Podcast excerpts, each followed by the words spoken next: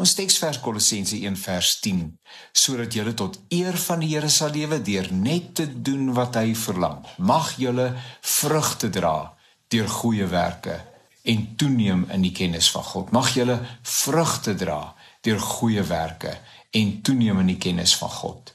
Jare gelede het ek op 'n dag deur 'n area in Creersdorp gery waar mense swaar kry. Werkloosheid, armoede, afhanklikheid en ander dinge wat mense van hulle menswaardigheid beroof. En so by die deurry het ek net een parkie gesien. As ek dit 'n parkie kan noem, wat so verwaarloos was dat die kinders eerder in die straat gespeel het. Boemenaars het hulle daar tuis gemaak en ou gebruikte matrasse het die wêreld vol gelê. Van die swaai was daar net 'n paar geroeste kettinge oor en van die klein klimraam niks meer as herinnering van iets wat was nie. Van gras was daar nie sprake nie behalwe vir die twee groot bome in die hoek wat skadu gemaak het. Die interessante is dat die park in Jobstraat geleë is. En ons is almal met Job se verhaal bekend.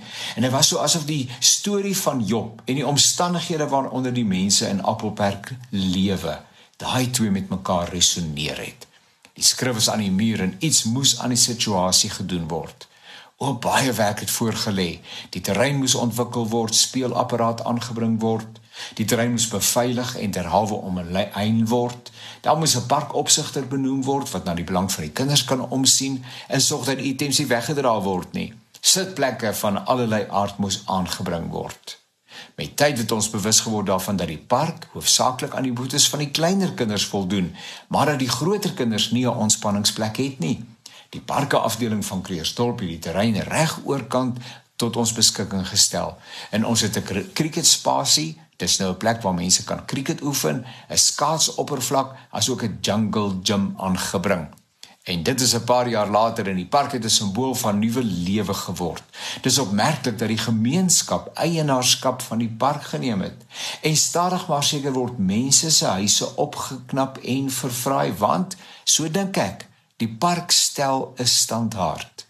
Dit is steeds Appelpark. Baie mense kry steeds swaar, maar Rainbow Park, soos wat hierdie parkie bekend staan of hierdie twee speelareas, het 'n baken van hoop geword. Somstyds wil ons handdoek ingooi. Daar's altyd een of ander uitdaging. As die kinders egter op 'n Sondagnamiddag 'n lang ry van 120 vriendelike gesiggies vorm om net nadat ons 'n boodskap gebring het, 'n eetdingetjie te ontvang, dan weet ons dis die moeite werd en dat ons nie sal moet opgee nie. Miskien, net miskien breek van daardie kinders uit die spiraal van desperate armoede en kies koers die toekoms in.